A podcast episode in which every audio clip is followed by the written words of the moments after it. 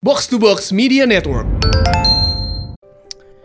Amar, tahun baru, waktunya melupakan masa lalu dan terus melangkah maju.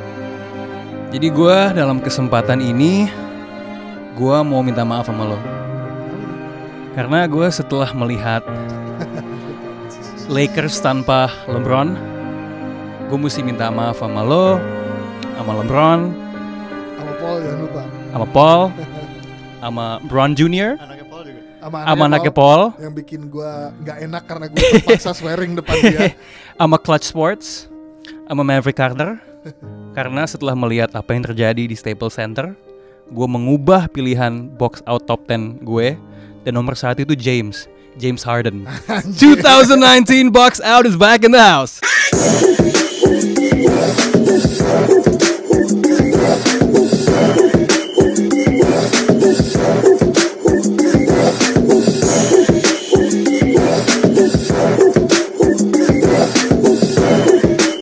Back to Box Out, the most valuable basketball podcast in Indonesia. Cuman hari ini kita kayak YouTuber-YouTuber nih, karena kita collab sama Rocky Padilla, the one and only. Ya, what's up, Rock? What's up semuanya? Yo man, so Rock sebelum kita mulai, oh ya seperti biasa ada orang baik, Amar. Oke udah udah Yap, ada Gamal aka G Spot, what up? So Rock, kalau gue lihat That dari caught me off guard a little bit. AKA. G-Spot. Eh, kalau gue lihat dari video um, Instagram lo um, dan lain sebagainya, lo kayaknya habis akhir tahun kemarin lo globetrotting kayak biasa ke US. Can you tell us a little bit lo ngapain aja di sana, man? Biasanya emang kalau lagi banyak rezeki bokap gue, Wush. kita biasanya memang tiap tahun ada tradisi aja kayak keliling. eh biasanya ini sekalian liburan keluarga kemarin Mhm. jadi sekalian keliling nonton beberapa game kan kayak kalau salah totalnya 9 game. Oh, slot, man. Aha, lumayan lot and then yang kasihan sih nyokap gue sebenarnya nunggu di hotel doang Iya cuma ya Eh, so every year is almost like that jadi eh, biar bokap sama anaknya bisa bonding dikit lah kalau lagi kayak gini kan kalau lagi nggak liburan biasanya anaknya keluar sampai malam nggak ketemu Jarang ketemu ya? iya Hmm, makanya bonding time over basketball ya. Um, lo nonton pertandingan apa aja ya? yang pasti gue nonton Christmas game antara Hmm. Gue ngomong Cleveland, hampir gue ngomong Cleveland.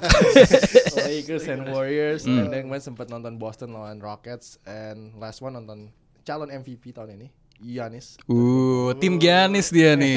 MVP gue juga bilang MVP Oh, oh iya oke, tapi bukan nomor di, di top 10 ya. Oke. Wa- walaupun memang sekarang James Harden creeping up ya, Hmm, dengan the last 12 games gila 40 points average itu un- nuts. unbelievable sih. Ya, eh, lo lo kan selalu menjalin eh, tali silaturahmi nih dengan pemain-pemain NBA tertentu.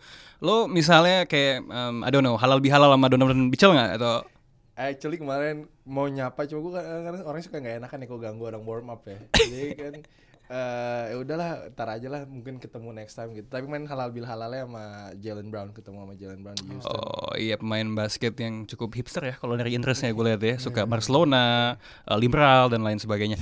Oke, eh, kita langsung masuk ke topik aja nih. Em, yang menarik ya kalau ngomongin NBA, sekali lu nggak ngikutin kayaknya pasti ada yang berubah gitu loh. Kayak gue kalau ngeliat West, kayaknya setiap minggu ada satu tim baru yang naik daun ya.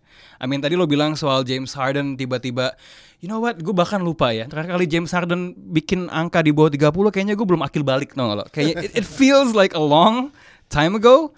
Um, tapi Oke, we've seen Houston dengan James Harden, kita lihat um, OKC, uh, PG yang ya lagi lagi lumayan bagus gitu, um, and then bagus. sama apa namanya San Antonio Spurs yang mainnya agak anti mainstream ya dengan banyak two point ketika DeMar DeRozan sama LaMarcus di lapangan. Hah? Mid range. Mid range, mid range game is back gitu. And Lakers yang agak merosot dikit um, setelah LeBron cedera selangkangan, groin.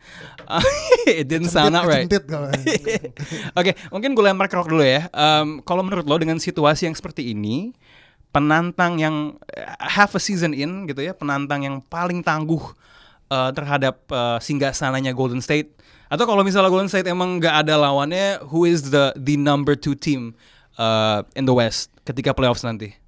Kalau gue sih Houston Rockets ya. Houston honestly. Rockets? Honestly. Tapi kan Melo udah nggak ada bro.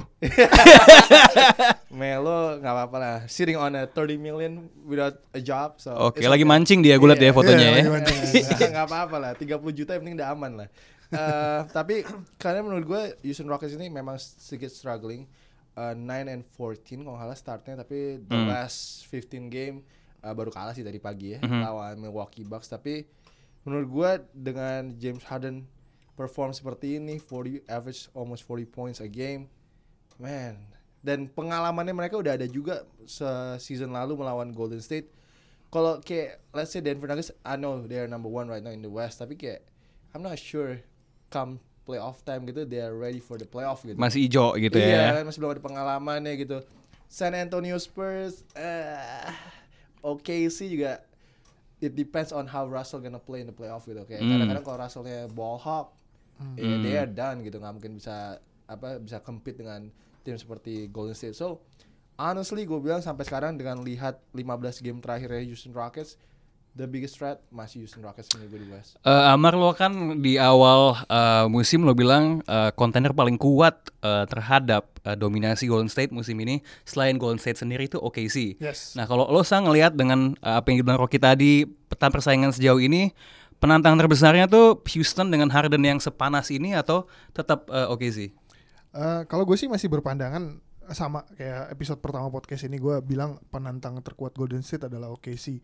Eh, keadaan Houston Rockets menurut gue kayak sebenarnya Rocky tadi bilang ketika lo menanyakan soal penantang at the end of the day adalah apa yang akan terjadi di playoff kan. Yap. Apa yang ditunjukkan sama James Harden biasanya adalah kemampuan dan keluar biasaan dia di regular season dan biasanya memang eh, mengalami permasalahan tertentu ketika udah masuk ke stage-nya playoff dan eh, secara tim juga gua nggak melihat adanya pe- perkembangan dari pemain-pemain lain secara signifikan. Eh, c- Oke lah Capella jadi, jadi meningkat nih permainannya Hmm. dengan dengan gayanya Harden sekarang main gitu. Tapi kalau gua ngelihat eh, oke sih sangat punya potensi kar- karena mereka ini isu mereka adalah mereka nggak punya eh, offensive play yang cukup bagus. Mereka hanya masih mengandalkan Paul George untuk me- me- me- apa namanya mendulang poin, tapi banyak pemain lain yang memang kekurangan di kemampuan shooting dan lain-lain karena kalau nggak salah mereka secara offense peringkat 19, tapi secara defense mereka peringkat satu di NBA. Nah jadi eh, menurut gua offense itu sebenarnya bisa di-create, bisa bisa bisa diperbaiki gitu loh dengan dengan waktu yang tidak sepanjang dengan memperbaiki permasalahan defense. Jadi gua ngelihat bahwa uh, gue masih masih mengandalkan atletismenya mereka dan dan lu selalu melihat deh ketika OKC ketemu sama uh, uh, matchup kita ngomongin matchup dengan Golden Ya. State uh, Steph selalu bermasalah dan dia kadang-kadang suka diumpetin buat jagain uh, buat uh, buat jagain uh, Russell Westbrook dan Russell Westbrook biasanya selalu bermain cukup bagus ketika bertemu dengan Steph Curry. Dan interior defense mereka biasanya selalu diacak-acak dengan keberadaan Stephen Adams. Hmm. makanya nanti apakah dengan keberadaan DeMarcus Cousins yang diprediksi akan main di tanggal 18 Januari ini bisa memperbaiki uh, interior defense-nya mereka? We'll talk a little bit about the Marcus nanti, tapi are you saying selain uh, defense lebih oke daripada offense, you would pick playoff P over James Harden? Playoff Iya, P. playoff akan P. gua akan akan akan tetap memilih gitu karena gini, he's having his best season menurut gua. Bahkan sebelum dia cedera patah kaki itu, sebelum dia waktu dia masih main di Indiana dan lain-lain, gua merasa ini adalah season terbaik dia dan gua belum pernah melihat permainan eh, Russell Westbrook se sedermawan ini gitu loh. Dia dermawan banget musim ini gua ngeliat mainnya bener-bener ngebagi bola, ngelempar bola dan Tapi juga dermawan jacking up shots ya. Ya, Eh, itu nature-nya dia agak agak agak agak sulit juga. Tapi maksudnya gini, ketika lo punya teammate yang dianggap sebagai pemain nomor satu nge-shoot 21 kali pertandingan tapi tim lo masih menang, berarti kan tim lo punya kekuatan. Yes. Tinggal bagaimana dan dan shoot itu Rocky mungkin tahu shoot itu kadang-kadang itu soal feel yang lu kadang-kadang bisa hilang. Lo lihat aja kejadian Clay Thompson.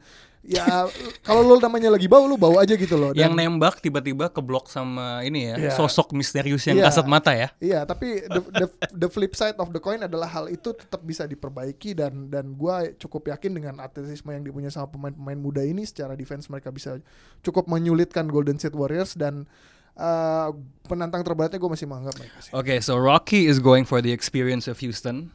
Lo defense dan Iya, tapi uh, Houston tuh bisa dibilang gini, ketika ketika di playoff stage yang yang lumayan lumayan signifikan pertandingannya, mereka agak shrinking gitu loh permainannya. Apalagi nanti misalnya dengan Paul uh, dengan Chris Paul udah main lagi masuk bagaimana mereka men set up play yang sekarang sudah nyaman? Dan dari beberapa analisis yang gue lihat apa yang dilakukan James Harden itu akan sangat luar biasa menyita stamina. Hmm. dan nggak bisa dengan mudahnya orang melakukan itu secara konsisten apalagi nanti masuk playoff stage. Dan jangan lupa ketika playoff stage wasit itu akan lebih uh, keras maksudnya dia nggak oke, akan oke, semudah oke. itu untuk nge-call dan jadi jadi mungkin gini maksud gua adalah poin gua adalah call untuk dilakukan free throw mungkin akan berkurang karena Oh, playoff akan oke. berbeda stage-nya Ya. sama regular Itu season. itu poin yang terakhir lumayan signifikan Rock. Gimana tuh menurut lo men? Emang sih the main concern emang dengan James Harden juga gue takutnya dia fatigue ya. Iya. Sampai Hmm, di usage rate-nya tinggi banget ya. Usage rate-nya emang tinggi Luar banget. biasa. Hmm. Tadi pagi juga dibahas saat gue lagi komentatorin itu, tapi come on, uh, it's 2019. I think recovery uh, Hmm. untuk badan like LeBron spend like a million dollar on his body. million to be exact Tapi menurut gue ya gue sih mengharapkan nggak kecapean lah ya Ya. James Harden karena playoff is more fun with the beard is on the court gitu. Hmm. Jadi gue sih yakin dia pasti sekarang tuh di basketball itu is all about uh, apa ya kayak data gitu kan. Jadi kayak Analitik ya. Analitik semua kayak Hmm. semua di data kayak lu main berapa menit. uh, pokoknya semua udah di apa ya sebutannya kok gue lupa ya karena dengan gue di podcast gue lupa sebutannya kayak ada pelajaran ilmiahnya gitu jadi Hmm, kayak hmm, hmm. bisa tahu pemain tuh udah kecapean atau belum jadi semua di NBA itu udah di terdata tapi menurut gua harusnya sih nggak akan fatigue ya harusnya Ya. ya, Menurut gua even po- even points for for both. Cuman kalau kalau misalnya argumentasinya clutch situation ya, entah kenapa gue sedikit memihak ke Harden daripada playoff P yang dalam situasi uh, clutch situations itu satu dari 15 atau 16 Ya tapi kan ya. gini, nggak semua pertandingan akan berakhir dengan situasi clutch satu. Benar, Dan, benar. dan opsi opsi lo sekarang gini ya, to be fair, so kita bicara soal opsi. Ya. Opsi lebih banyak mana di Houston apa di OKC? Menurut gua OKC lebih punya banyak opsi, apalagi dengan adanya Dennis Schroeder. Kadang-kadang kita lihat bahwa di kuarter 4 Dennis Schroeder dimainin bareng sama Ya. Russell Westbrook. Russell bisa main di dua atau kadang-kadang Dennis Schroeder yang main di dua. Dan uh, Terence Ferguson semakin bagus menurut gua Ya. mainnya. Jeremy Grant juga sangat atletis dan makin bagus nembak dari corner 3-nya. Menurut gua itu juga Ya. bisa jadi Jeremy ya, mereka. Jeremy Grant sama punya jumper yang lumayan reliable ya. Yes, yes. Jadi menurut gua ini ini cukup bisa dan dan kenapa gua gua tetap bilang oke sih oke sih oke sih karena presidennya adalah yang mengalahkan Golden State Warriors adalah bukan dengan offense yang bagus tapi dengan In defense yang tough. defense ya. Biasanya kayak gitu karena kalau lo lo bisa nembak 5 kali 3 point Golden State bisa nembak 7 kali atau 8 Ya. kali. Jadi menurut gua offense sama offense kadang-kadang lo akan Oke. kalah karena opsi mereka terlalu banyak gitu. Ya menarik juga untuk melihat nanti Houston gimana adjustment kembalinya setelah people like Eric Gordon sembuh lagi, Yes. Chris Paul ketika menitnya di, di stagger lagi kayak musim lalu, apakah akan impact ke James Harden yang musim ini hot banget tapi usage rate-nya tinggi banget. Plus kedua kalau kita, kita juga ingat ya tadi lo ngomong offense uh, melawan offense ya, game 7 uh, Western Conference Final musim lalu um, nggak tahu sih kayaknya agak langka sih ngeliat sebuah tim yang sepanas itu dari 3 point tiba-tiba bisa sebau itu ya. What was it 20 something 3 points? Ariza oh nggak 0 10 0 11 ya ingat ya Oke oke, enough Houston lawan OKC. tapi oke sih Gimana? tambahin satu lagi Silakan. gue juga pengennya sih oke sih juga pengen lolos ya tapi eh ada satu kunci lagi mungkin tadi gue nggak tahu dia akan main atau enggak Andre Robertson Yes. I think if Ah, Andre Roberson ya. play itu akan jadi apa ya defense nya oke sih akan lebih bagus lagi Akan sih. lebih mantap lagi. Perimeter defense-nya awesome Paling banget sih kalau dia. bagus. Shootnya oke ya. Bakal lebih Ah, tapi shoot free throw-nya nggak bisa sih Free throw-nya parah banget, parah banget. Oke, dari tadi nih kita udah ngomongin Houston lawan OKC. Please Gamal, kalau ada lo kan biasanya suka punya pendapat yang agak eh, Anti mainstream ya? Anti mainstream gitu ya. Jadi kalau bisa Namanya eh, G-Spot. selain dua tim eh, tadi siapa kontainer serius lainnya? Oke oke, gue setuju sama berdua tadi. Kalau misalnya eh, dalam situasi playoff eh, yang bisa nge-push Golden State mungkin da- mungkin 6 sampai 7 games adalah dua tim ini, Hmm. terutama OKC karena mereka gue bilang Davia lebih lebih bagus daripada Rockets sekarang. Oke. Kalau Rockets tahun lalu kita kita lihat mereka punya defender banyak banget kan, ada si Lukman Muti, ada Reza semuanya bisa Hmm. bisa lu spread out gitu Ya. untuk untuk untuk ngelawan switch defense si Warriors. Tapi Hmm. kalau tahun ini lebih banyak le- lebih gue lebih berat ke OKC. Tapi kalau untuk ini bukan mungkin bukan contender ya, tapi sebuah tim yang bisa nge-push eh, yang bisa bukan go to toe to toe lah ya. Apa? Dame time. Oh enggak Oh, kirain enggak, enggak. kirain lo mau bawa tim lo oke. Sorry, sorry, sorry. Gua nggak Clippers. Montreal.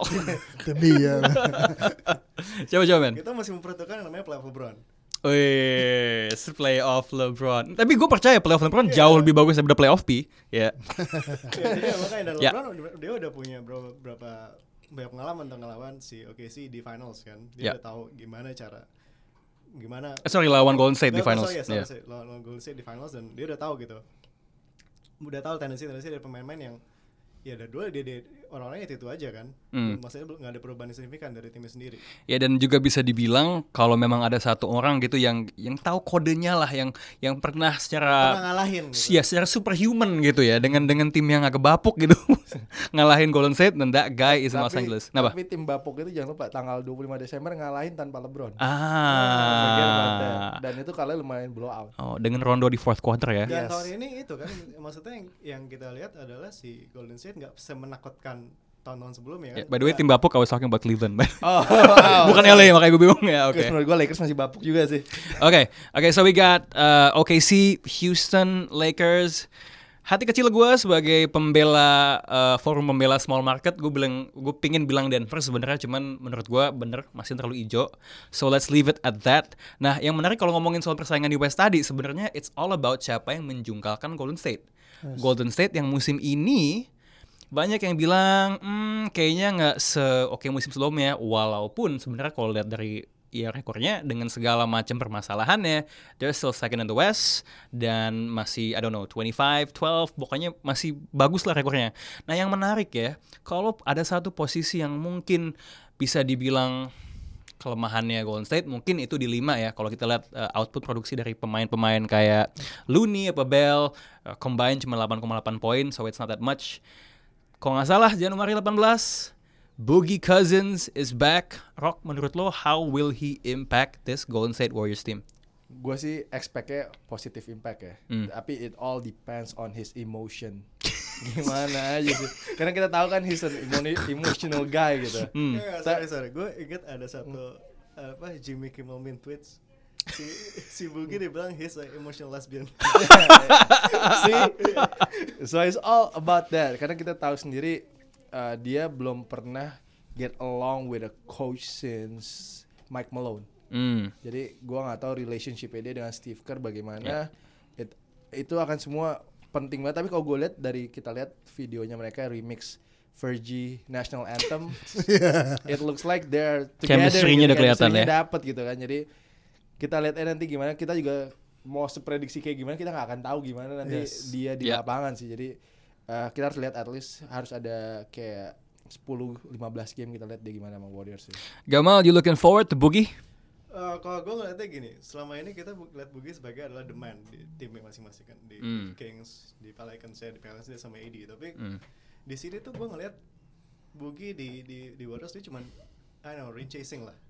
Dia No cuma- bro, it third splash brother. Splash Mountain. dia Ya. dia cuman cuman buat naik dia habis cedera dia habis cedera gede dan dia ya kita nggak tahu apakah dia bakal bakal back uh, 100% lagi kan. Ya. Di sini tuh dia kayak yang pengen ngembangin image-nya doang gitu. Untuk untuk oh gue masih bisa main kok, gue masih bisa Ya. gue masih bisa contribute ke tim yang bagus. Jadi gue rasa dia bakal si Steve Kerr ngomong apa ya dia bakal ikut aja dia, bakal, dia nggak Hmm. bakal se emotional lesbian sebelum sebelumnya Dan he's also going to be playing for a contract ya karena ini kan mid level Yes, exception. yes. Kalau siapa tahu mainnya bagus setelah sekian lama cedera Yeah. jadi pembuktian untuk tim-tim yang Ah, mau dan dia, uh, dia dia masih bisa nunjukin dia nunjukin kalau dia emang masih oke gue masih pemain yang bagus gue masih bisa contribute bahkan ke championship team gitu Mar apa yang menarik dari lo dengan Boogie main di Golden State? Eh, yang menarik buat gua adalah ketika eh, yang pertama pasti kita ngelihat faktor dari orang yang cedera abis segitu parahnya gitu loh dan eh, berdasarkan apa yang pernah terjadi di sebelum sebelumnya nggak pernah ada big man dengan berat sekitar dua mungkin dia 280 sekian pound. he's actually 40 pounds lebih berat dari siapa pun di Golden State. Iya, dan dan orang bisa survive dengan keadaan itu karena Achilles heel lu kan bener-bener yang menopang badan lu Hmm. secara keseluruhan dari atas sampai bawah. Eh, mungkin kalau gue bisa bilang persamaannya sama-sama big man Elton Brand. Setelah dia cedera dia bener-bener nggak bisa ngapa-ngapain dan eh, Dan yang dia lebih pendek padahal daripada Boogie ya. So Boogie lebih Iya, Bugi badannya lebih gede lagi ya. Asumsinya dia lebih lebih berat. Yang yang berikutnya adalah soal bagaimana mengubah pola permainan Golden State yang ada. Karena di tipikal Golden State yang tim yang dibangun ini dibangun dengan konstruksi bahwa pemain lima itu bertugas sebagai rim protector Hmm. dan secara offense mungkin hanya difokuskan untuk melakukan eh, apa offensive rebound atau bisa melakukan screen dan lain-lain. Nggak pernah dalam sejarahnya kita melihat eranya Golden State yang sekarang ini seorang center itu ditugaskan untuk mendulang poin atau membuat misalnya menjadi second scorernya mereka gitu loh. Nah jadinya dengan posisi orang yang tadinya melakukan gini dia sekitar sebelum dia cedera sekitar 28, sekian poin per game 13, sekian poin Ya. rebound, eh, rebound. Eh, dan dia adalah orang bisa dibilang salah satu orang terbaik yang belum pemain terbaik yang belum pernah sama sekali merasakan yang namanya playoff. Hmm. Nah jadi menurut gua ini juga jadi jadi salah satu faktor bagaimana tipikal permainan Golden State yang cukup mengandalkan flowing bola yang yang cukup banyak dan kadang-kadang sekarang mengandalkan ISO-nya di Kevin Durant bermain dengan tipikal pemain yang sebenarnya punya karakter sebagai alpha. Nah itu yang agak sulit untuk menyesuaikan. Jadi jadi gini, emosional lo akan bercampur ketika lo sedang struggling untuk cedera karena nanti dia main tanggal 18. Asumsikan dia main tanggal 18.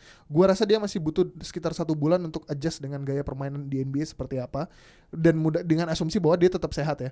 Nah jadi menurut gua itu akan menjadi frustasi buat pemain-pemain NBA bagaimana ditambah tadi itu dengan pemikiran bahwa dia ada kontrak akhir dan juga asumsikan tadi Rocky bilang banyak banget orang-orang dan analis-analis di NBA yang mengatakan bahwa ini orang seriously punya mental issues. Jadi ah, jadi dia memang punya permasalahan emosional dan lain-lain. Apakah dia bisa nggak pun dia nyambung sama timnya ketika dia ribut sama tim lain itu jadi isu kan buat timnya dia juga gitu dengan wasit. Jadi menurut gue banyak faktor yang menentukan itu gitu loh. Dan struktur Golden State Warriors tidak dibangun dengan skema itu. Jadi gue nggak tahu nanti racikan Steve Kerr akan seperti apa. Ya dilematis juga ya. So uh, buat buginya sendiri ya. Iya. Uh, kemarin gue baca ada kutipan dari Kevin Durant. uh, kalau again ya dia kan lagi ngomongin soal tim uh, teman setimnya kan. Jadi bisa aja ada hal yang ditutupin. Cuman dia bilang ya saya bisa melihat pastinya bugi usage rates-nya akan turun dari jumlah shot udah pasti.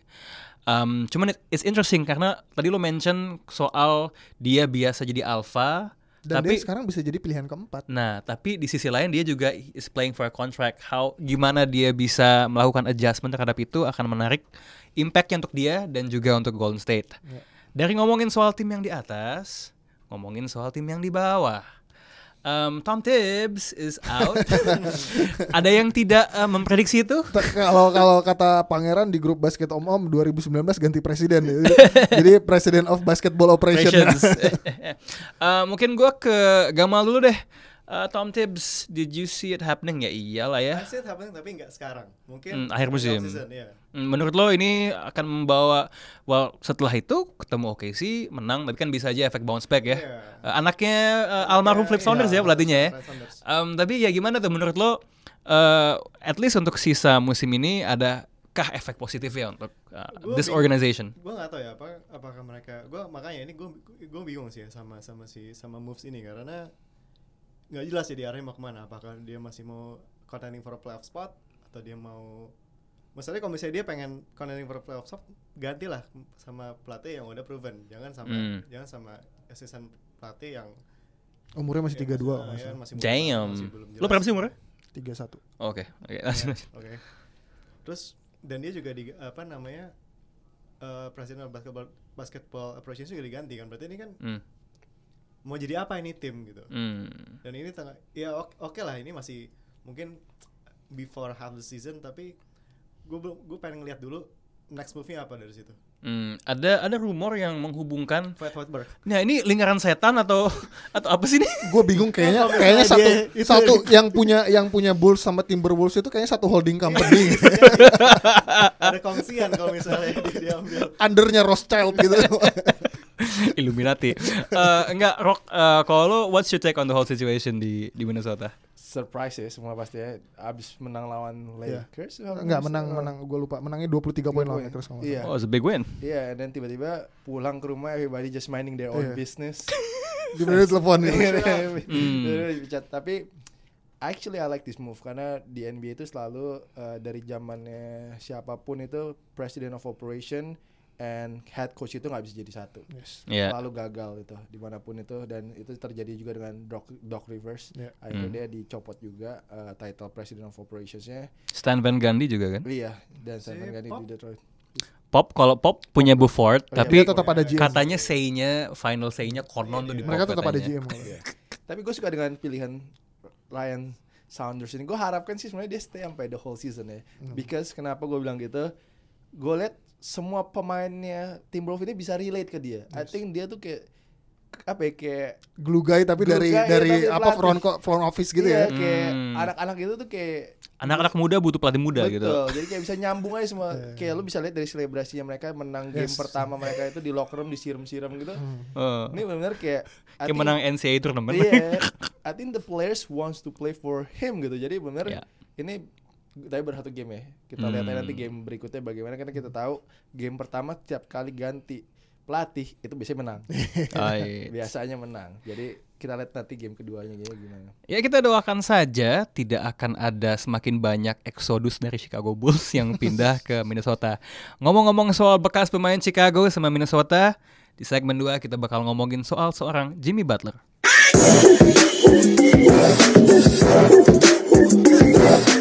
Welcome back to Box Out Podcast. Sekarang kita ngomongin soal seseorang yang jago main basket, tapi apakah dia adalah seorang kanker di ruang ganti?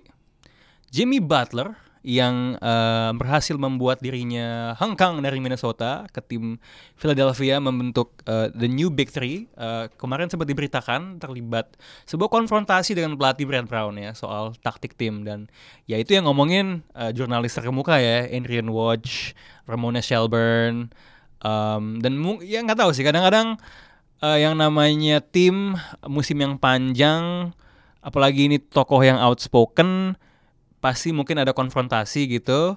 Cuman gimana Gam? Lo kan orang yang pro trade Jimmy Butler nih. Lo melihat ini hanya sebuah batu sandungan kecil. Maksudnya marah-marah untuk membentuk chemistry yang lebih baik ke depannya atau ini tanda-tanda lampu kuning?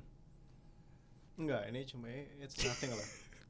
Oke. Kalau ya dari oke yang gue baca sih setelah itu kan ada wawancara dari Jimmy dari si coach Brad Brownnya juga sendiri kayak oh ya cuman ini aja lah cuman headbutting biasa kayak cuman eh, ya biasa lah kayak lo sama bos lo ada pernah mendapat ada friksi friksi sedikit tapi itu Terus kan lo teriakin atas lo gitu ya. Iya, ini maksudnya Jimmy Butler ya orang yang sebagai yang menganggap diri alpha kan. Pasti dia kalau misalnya dalam situasi itu dan dia emosional wajar dan well it's and it's the NBA kayak cowok-cowok semua. Gue pengen liat DeMarcus sama Jimmy Butler satu tim tuh gak? Nah, lu lihat Draymond sama dia. Oh my god, that would be awesome bro. Sama Lance masukin juga. Oh Lance Stevenson buat mendinginkan suasana gitu. Enggak, Rock, eh, lo gimana ngeliat situasi ini? Um, and gue juga pengen tahu sih, lo orang yang melihat ini a good trade buat Philadelphia atau enggak? Oh, menurut gue it was good trade. Gue selalu bilang ini good trade karena Philadelphia butuh sosok seperti Jimmy Butler. Tapi ini kan kayak udah kejadian kedua ya. Pertama kayak Hmm. Joel Embiid kan yang protes dia terlalu banyak main di perimeter katanya offense-nya kan. Dia pengen mulai dari post gitu. Hmm. Tapi it happens lah ya di NBA pasti ada pemain yang nggak happy. He cannot make everybody happy anyway gitu. Hmm. And then ini I think is good for the team. I think uh, tapi walaupun tadi pagi dibantai sih sama Washington ya. Tapi uh, we'll see Jimmy Butler gue udah nggak bisa argue lagi lah. Dia bawa Minnesota ke playoff setelah 13-14 tahun absen. Mhm. So dia emang bener-bener pengen menang gitu. So gue sih kalau jadi itu gue dengerin aja lah Jimmy Butler ngomong apa lah. Oke, Amar, lo adalah orang yang nggak happy dengan dengan trade itu. Lo bilang, wah kehilangan Philadelphia kehilangan Dario Saric. Oh, stretch four gak ada. Wah, wah, wah. Lo ngelihatnya ini a problem atau enggak? Actually, things are going to be better buat Philadelphia setelah ini. Ah, bisa dibilang ya, bisa dibilang enggak. Karena gini, eh, kan kita udah lihat polanya bahwa Jimmy Butler ya memang orangnya gitu. Jadi kalau gua ngeliat kayak ada sindrom orang kayak baru kayaknya. Soalnya dulunya dia homeless dan dia struggle buat di NBA. Itu- jadi itu kayak bener sih, itu tapi bener, ya. tapi dia jadi ya maksud gue dari dia nobody kan akhirnya dia dikenal sebagai pemain yang hebat jadinya sotoy juga kebanyakan gitu loh kalau Hmm. sotoynya kayaknya. Jadinya sama siapa juga kayaknya terlalu outspoken kan juga nggak seru juga kan. Hmm. Nah, dan eh, bagaimana kes- ada kesulitan juga buat dia untuk mengakui bahwa sebenarnya tim ini dibuild dengan menjadikan Joel Embiid sebagai sosok pilihan pertama. Ya. Dan dia apakah mau menerima role sebagai second st- eh, secondary star dan itu juga masih arguable kan apakah Ben Simmons yang menjadi Ya. second starnya eh, Philadelphia gitu loh dan itu kan ak- akan akan terkait sama misalnya usage rate-nya dia dan bagaimana cara dia untuk mendulang statistiknya dia dengan baik. Dan mungkin perdebatannya akan di akan di seputar itu. Dan misalnya katakanlah perdebatannya kurang lebih kalau gua gua sok-sok me- mencenayangkan keadaan itu ya gua jadi si Joel Embiid pertamanya curhat karena mainnya nggak gitu disesuaikan dengan gayanya Joel Embiid ternyata nggak cocok sama Jimmy Butler. Jadinya jadinya ada ada perdebatan itu. Tapi gua nggak melihat ini akan akan menjadi hal yang terlalu signifikan karena eh, gua cukup punya keyakinan bahwa dia akan hengkang anyway Oh. setelah kontrak ini jadi gua nggak ya gua nggak terlalu pede bahwa dia akan perpanjang Dia nggak akan di- supermax extension situ ya. Iya, di, dan dan mungkin juga Philadelphia ingin ngebangun sesuatu yang memang nggak harus ada Jimmy Butler karena kan gini kalau Markel Fultz. kayak tadi dibilang kayak tadi dibilang sama Rocky kan sebenarnya kenapa sih Jimmy Butler yang dibutuhkan karena kita lihat dari playoff setelah eh, setelah tim the process ini terbentuk mereka nggak pernah punya closer jadi gaya permainan mereka masih membutuhkan seorang alpha male yang cukup bisa clutch dan cukup bisa menjadi closer mereka. Nah, pilihan untuk itu sebenarnya ada opsi-opsi lain gitu. Katakanlah kita berhipotesis bahwa mereka bisa mendapatkan sosok seperti kalau misalnya Devin Booker udah capek banget dengan keadaan di Phoenix bahwa dia nggak bakal ke mana-mana karena dia udah bilang gue udah gue pokoknya udah bertekad ini tahun terakhir gue buat nggak masuk playoff kata dia kayak gitu mungkin aja di ke depannya mereka mau karena kan yang lo bilang lo bilang sendiri namanya the process berarti proses masih berjalan terus gitu loh atau mereka bisa dapat Bradley Beal dan lain-lain Nah, eh, kalau Bradley Beal sih gue penasaran ya. Cuman yang gue pengen tahu nih perspektif basket Mar ya. Eh, tadi lu bilang soal Devin Booker, ya kan. Sekarang juga ada Ben Simmons ya. Iya. Nah, em gue nggak tahu sih. Gue ngerasa Ben Simmons sama Jimmy Butler gue lagi ngebayangin ya ngefitnya gimana ya. Karena em, dan ini mungkin lo bisa ngasih take lo terhadap fitnya Jimmy Butler sama guard yang dominan megang bola gitu. Lo ngelihat sebenarnya pemain kayak Ben Simmons sama eh, Jimmy B itu bisa coexist nggak sih? Kalau gue bilang secara teknikal koeksistensinya bisa, tapi keadaan-keadaan tertentu yang membuat karena gini kelemahan seorang Ben Simmons adalah dia selalu membawa bawa bola tapi dia nggak bisa jadi closer, dia nggak bisa nge-shoot. Gak bisa nge-shoot. Masalah ya. dia di situ. Nah, Jimmy Butler membutuhkan bola untuk di tangan dia untuk dia melakukan closing. Nah, makanya makanya tadi gue bilang salah satunya Bradley Beal adalah karena lu bisa mendapatkan sosok-sosok yang tinggal nyari spot up shooting dan dan mereka bisa jadi closer di Yeah, situ off the gitu. ball loh. ya. Ah. Nah, kalau kalau ngomongin koeksistensi itu tadi, menurut gue bisa tapi memang agak berat karena karena kondisi itu tadi beberapa pemain kayak kita sering bahas di podcast ini, beberapa pemain menjadi optimal ketika mereka megang bola terus. Kalau mereka nggak megang bola terus akan sulit dan Ben Simmons ya bisa dibilang bolhok juga. Alpha, Alpha. Oke, eh, dari yang ngomongin yang agak analytical, kita mau ngomongin yang agak agak nostalgic ya, sepanjang jalan kenangan. Eh, ini juga ini ide topik nih dari salah satu anak di grup WhatsApp eh, Box Out. Eh, the most lit basketball conversation WhatsApp Invite- group. invite Rocky oh, dong. invite Rocky. Wah, udah langsung seribu orang masuk. Em, eh, jadi gini, musim ini kayaknya akan menjadi swan song untuk tiga pemain yang eh, kita ikuti sudah lama ya. Eh, Vince Carter, I can't believe he's still in the league by the way. um, yang yang saking uh, tuanya sekarang dia di Atlanta yang tanking, gue lupa kayaknya gue udah pernah bilang ya. Dia punya podcast. So he's doing the same shit we're doing gitu sama Ringer dia sama Ken Bazemore sama salah satu uh, awak medianya Atlanta Hawks. Um, and Dirk Nowitzki mungkin di musim terakhirnya sedang memberikan uh, obor uh, torch estafet ke Luka Doncic sama salah satu pemain yang paling dicintai ya kalau kata Lomar ya, D Wade. Um, mungkin ngomongin soal um, Vince Sanity dulu kali ya. Uh, Rock, his last season in the NBA, wh- what do you like the most uh, dari Vince Carter sepanjang karirnya? Apart from the dunks. Ya. Half man, half amazing ya. Yes sir. Vince Carter, Vince Carter itu kalau gue sih cuma selalu ingat slam dunk contest ya dia yang bersama T-Mac itu ya. Tahun 2000. Hmm, Iya, tahun Oakland. 2000 di Oakland itu the most memorable memory sih kayak mungkin emang ada satu saat di mana dia ngalahin Philadelphia kalau nggak salah ya bersama Toronto Hmm, Raptors yes. di playoff juga. But ya, salah gak tuh gue? I don't know, we'll check it later. Mungkin nanti ya, mungkin nanti yang komen, komen. kalau ada data Nazi mungkin Kayaknya dia bakal koreksi. kayaknya benar. Kayaknya masih ada di di Toronto tuh masih ada Dale Curry. kalau Iya. Kalau nggak salah tapi ya, if, if if it's true di series itu Indian kalah karena dia ngambil ijazah eh, sehari sebelum Oh, game dia, 6 dia ngelegalisir ya. Iya iya iya iya iya iya iya iya. Dia mau Gua ikut, lupa di mau ikut tuh. LPDP. S2. Gue agak lupa tuh situ menang Iya. atau kalah sih. Walaupun sebenarnya mungkin nggak ada hubungannya juga di dengan dia ngambil tuh. Eh, Oke, tapi anyway, tapi ya the most memorable sih menurut gue yang Oakland ya slam dunk contest tahun Hmm. 2000 sih. Tapi emang dia legend masih 41 tahun still can do 360.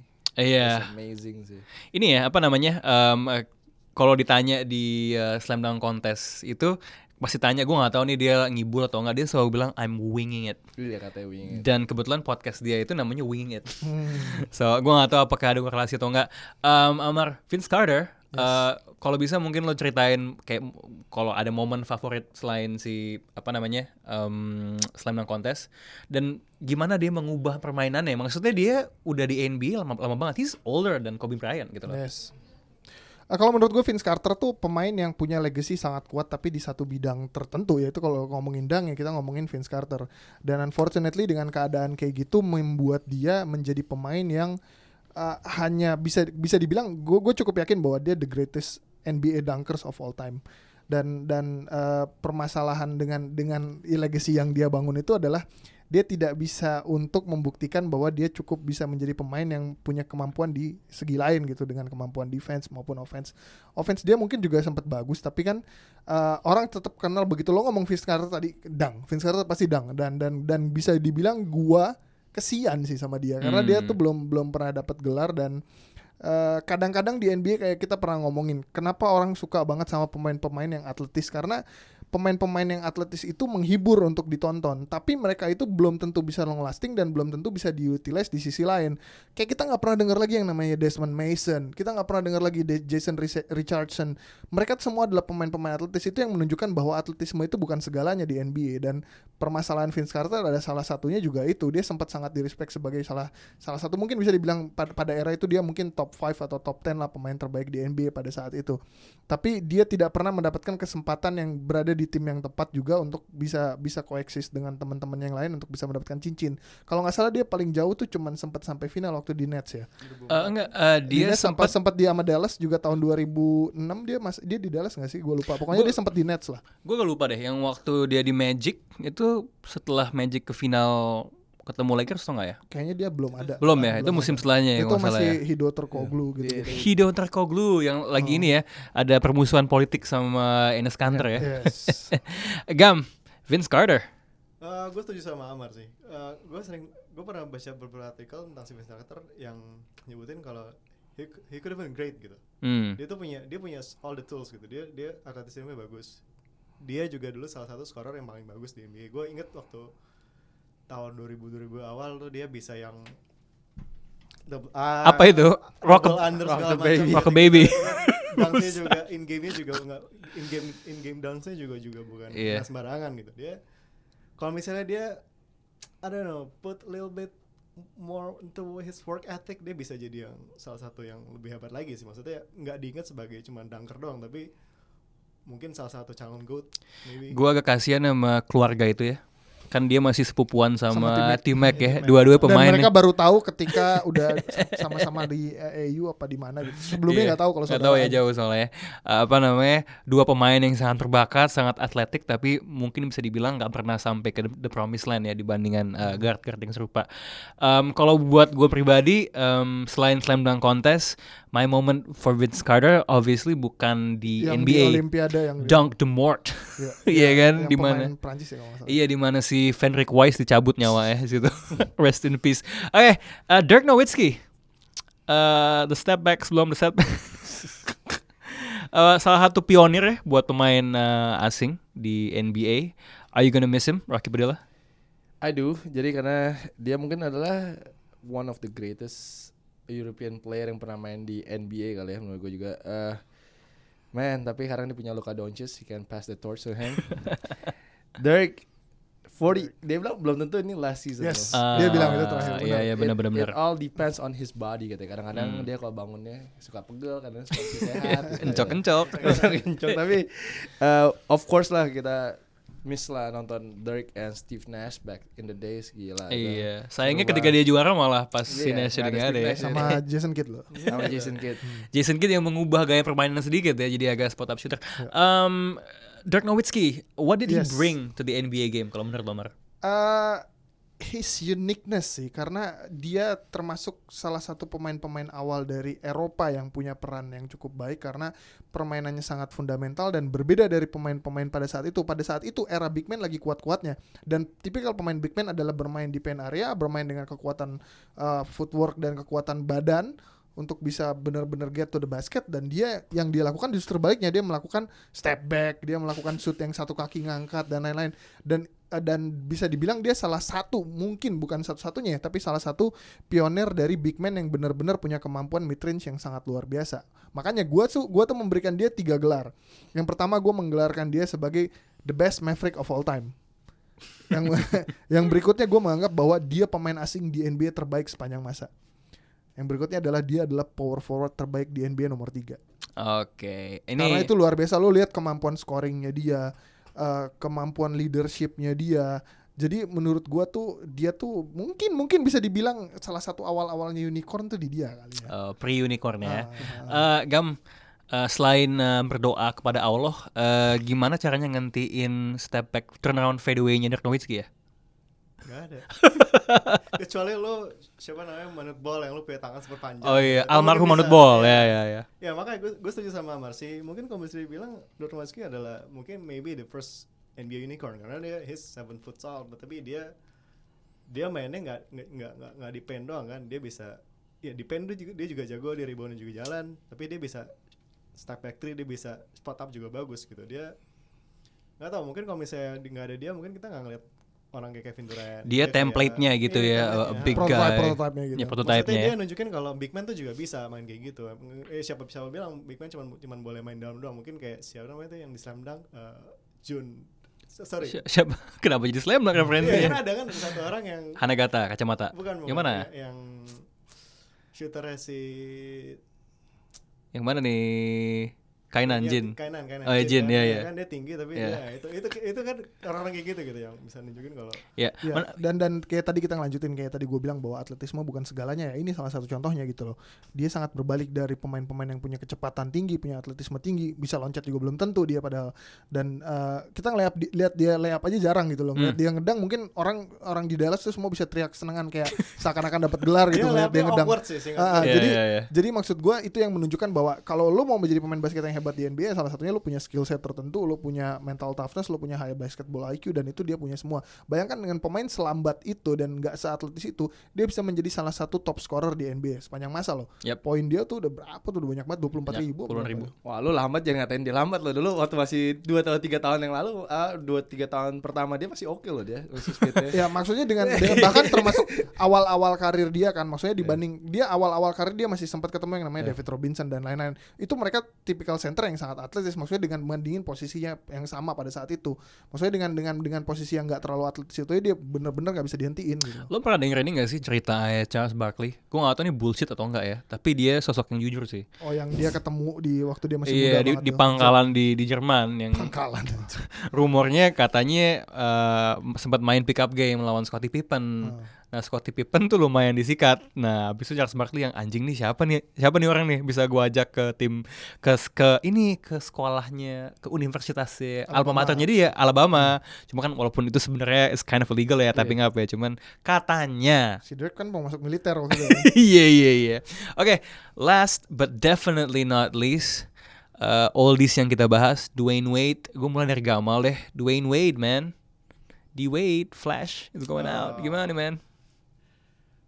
I think it's apa ya mungkin dia bisa he's the third shooting guard the best shooting guard of all time di NBA mungkin. oh no come on Oh, man. enggak, gue lagi coba mikir siapa aja gitu begitu begitu. Nah, ya. yang, yang ini Oke, ini, oke. ini on top of my head Jordan, Kobe, Dwayne yang gue kepikiran sekarang. eh ay men gila lo Eh, Shooting, shooting, dua, dua. eh itu dua kali Ah, Eh, satu lah. Gak men Siapa Eric Snow dua? Eric Snow satu Sa- What? Oke oke enggak enggak enggak. Let me let me let me his point first, man. Dwayne, Dwayne tuh kayak apa ya? Mungkin di saat apa ya? Gue selalu suka ya ngeliat dia. Di, di, di mana di- ketika ketika kayak misalnya uh, ketika si Big Three dat, uh, kebentuk gitu. Itu Iya. kayak oke Chris Bosh is aneh gitu. Terus LeBron, Chris Bosh aneh, man. LeBron is a villain gitu. Dan dia Villain, tuh oh, ya. Dia tuh kayak the voice of reason gitu. Di mana, The voice of reason. Dia, tuh- dia kayak gitu gitu. Entah kenapa. Oke guys, kalau kalau gue dovetailing your point ya, eh, kalau gue ngeliatnya itu sesuatu yang pada zaman itu menurut gue langka dalam artian nih Dwayne Wade di timnya tadi kan kita banyak banget ngomong soal alpha kan, walaupun dia udah punya satu ring di saat itu, dia rela menjadi the number two setelah LeBron masuk. Menurut gue itu kualitas yang nggak banyak pemain. Apalagi kalau kita dengar ceritanya Jimmy Butler tadi ma- mau melakukan itu sih. So itu menurut gue it gives me uh, plus points. Anything else from a basketball side yang lo suka tentang si Dwayne Wade? Wait, ya tentu sih ini sih zaman-zaman dia masih atletis itu juga. Hmm. Dia circle shotnya juga lumayan ini ya. Oh tembakan-tembakan ajaib ya, kontak lah itu gitu ya. Kayak Kyrie mungkin belajar dari dia. Jurus-jurusnya ya. Mar, Yap. soal D-Wade. D Wade, eh D Wade tuh pemain yang menyenangkan untuk ditonton karena eh, postur fisiknya bukan terlalu postur fisik yang sangat tinggi, tapi bisa bermain dengan sangat eksplosif. Yes. Bisa dibilang kita dulu sangat terhibur di era-era tahun 2006-2007 ketika dia berhasil ngebawa Miami. Gua rasa sih eh, yang membuat karir dia begitu dianggap besarnya apa yang dia lakukan di tahun 2006 itu ketika Shaquille O'Neal aja menjadi pemain nomor 2 di Yeah. Miami untuk ketika ngebawa juara dan lawan Dallas Maverick dan lawan Dirk Nowitzki pada saat itu gitu loh. Dan gua ngelihat bahwa dari situ uh, kayak kayak gimana ya credentialnya tuh udah established gitu loh orang-orang akan tetap menganggap dia sebagai uh, MVP Finals dan permainan dia sangat atletis sangat menghibur dan dia punya basketball IQ yang bagus Uh, jadi itu membuat dia cukup cukup long lasting lah kemampuan picknya dia. Dan dia akhirnya yang tadi lo bilang dia tipikal pemain yang tahu kapan harus untuk menyerahkan tahtanya dia untuk kapan dia harus bermain dengan uh, orang yang dia anggap lebih punya kemampuan lebih besar. Karena kan permasalahan di di, di Miami di tahun pertamanya LeBron masuk di 2010 2011 itu di final tahun 2011 ada uh, ada permasalahan pada saat itu disebutkan bahwa belum ada harmonisasi antara LeBron dengan D-Wade. Jadi D-Wade apakah D-Wade yang masih dianggap the man atau apa?